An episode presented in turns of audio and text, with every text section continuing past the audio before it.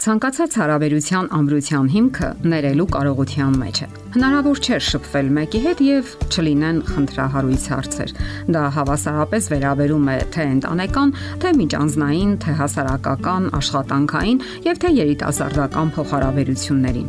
Երիտասարդական հարաբերություններին հատուկ է շարժումն ու երանդը կենսական շփումները։ Իսկ այդպիսի հարաբերություններում բնականաբար կարող են տեղ ունենալ թյուրըմբռնումներն ու սխալները, վիրավորանքներն ու անըմբռնողությունը։ Իսկ վիրավորվել առաջին իսկ հնարավորության դեպքում այնքան էլ խելամիտ ու տրամաբանական չէ։ Հակառակ դեպքում կենսունակ չէին լինի ոչ մի տեսակի հարաբերություններ, սակայն կյանքում երբեմն կողմերը խափում են միմյանց, դավաճանում կամ ցավ ու վիշտ պատճառում, եւ տրամաբանական հարց է առաջանում Արդյոք ներումը կօգնի ավելի հանգիստ ու խաղաղ զգալու, թե պետք է ես էլ փոխադարձաբար վիրավորեմ եւ անցնեմ առաջ։ Գաղտնիք չէ, որ ներելը միշտ էլ դժվար է, սակայն ճիշտ է եւ այն, որ հարկավոր է ներել եւ գնալ փոխհմբռնման։ Հաջորդ անգամ նույն սխալը չկրկնելու պայմանով։ Իսկ ներելը թույլ մարդու արարք չէ Այն հսկայական ջանքեր եւ ներքին տրամադրվածություն է պահանջում, սակայն բոլոր նրանք, ովքեր ասում են, որ իրենք ներում են, միշտ էլ թեթևություն են զգում եւ ներքին ազատագրում այն նոր երանդով եւ ողքեվորությամբ է լցնում մարդու սիրտը եւ այլևս չես զգում որ ցավ, վիշտ եւ այլ բացասական զգացումներ կան քո ներսում Երիտասարդների միջև հարաբերություններում միշտ էլ կլինեն իրավիճակներ, երբ կողմերը պարզապես չեն հասկանա իրար։ Կլինեն հիմնախնդիրներ։ Կողմերից մեկի ծնողները գուցե դեմ լինեն հարաբերություններին, կամ էլ գուցե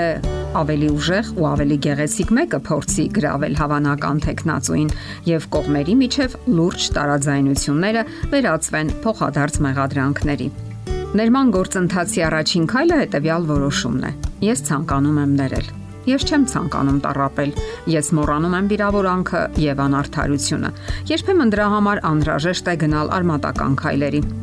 կոնկրետ դադարեցնել հարաբերությունները։ Սակայն ավելի հաճախ պարզաբանումներից հետո հարաբերությունները վերականգնվում են։ Հարաբերությունները դադարեցնելու առիթ կարող են հանդիսանալ լուրջ խնդիրները կամ էլ նույնիսկ սեփական անձի անվտանգությունը։ Անվտանգությունը թե ֆիզիկական եւ թե հոգեբանական առումներով Կարևորը, որ դիմացինի հանդեպ ատելություն չունենանք։ Ատելությունը մեր ներսում կարող է սկիզբ դնել ինքնակայքայման գործընթացին։ Երբեմն անհնար է գնալ parzabanumների, որովհետև դիմացինը հոգեբանորեն ավելի ուժեղ է եւ կարող է ճնշել մեզ։ Իսկ բոլոր դեպքերում ճիշտը սեփական ազատությունը պաշտպանելն է եւ ճշմարտությունը որոնելը։ Ով է ճիշտ եւ որտեղ է հիմնախնդիրը, ինչ փողզիչումների կարելի է գնալ եւ ինչպես կարգավորել հետագա փոխհարաբերությունները։ Իսկ եթե չի երևում լուծման բանալին եւ կողմերից մեկը փորձում է իր կամքը թելադրել կամ ճնշել հոգեբանորեն, ապա ավելի լավ է դադարեցնել այդ օրինակ հարաբերությունները։ Շատ մարդիկ, հատկապես աղջիկները, հակված են ամեն ինչի մեջ տեսնել սեփական մեղավորությունը Բոլորն էլ կարող են սխալվել, սակայն պարտադիր չէ, որ միշտ դուք սխալ լինեք։ Պարզապես փորձեք ամեն ինչի մեջ տեսնել մեղավորության ձեր մասնաբաժինը։ Ընթունեք ձեր, այլ ոչ դիմացինի մեղավորությունը։ Դա բոլորովին էլ հերոսական քայլ չէ, այլ լուրջ սխալ, ինչից հետո պարզապես կօգտվեն եւ դուք կհայտնվեք հավերժական մեղավորի դերում։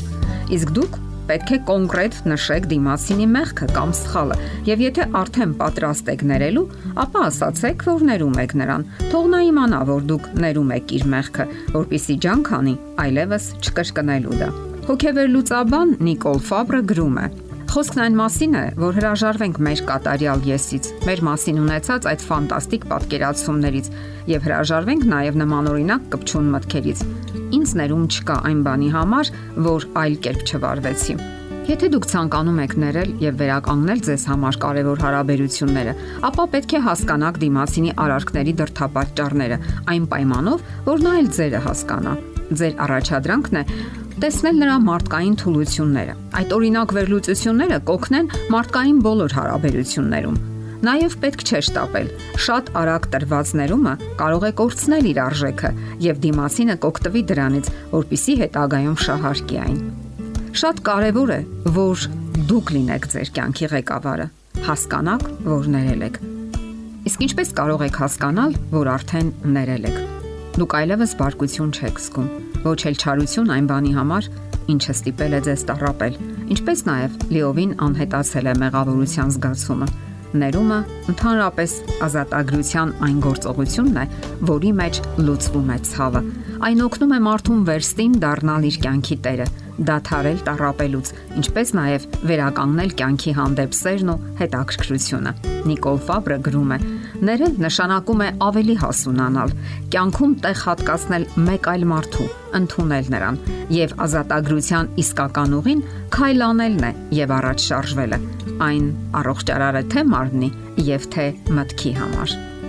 Եթերում է ճանապարհ երկուսով հաղորդաշարը։ Ձեզ հետ է Գեղեցիկ Մարտիրոսյանը։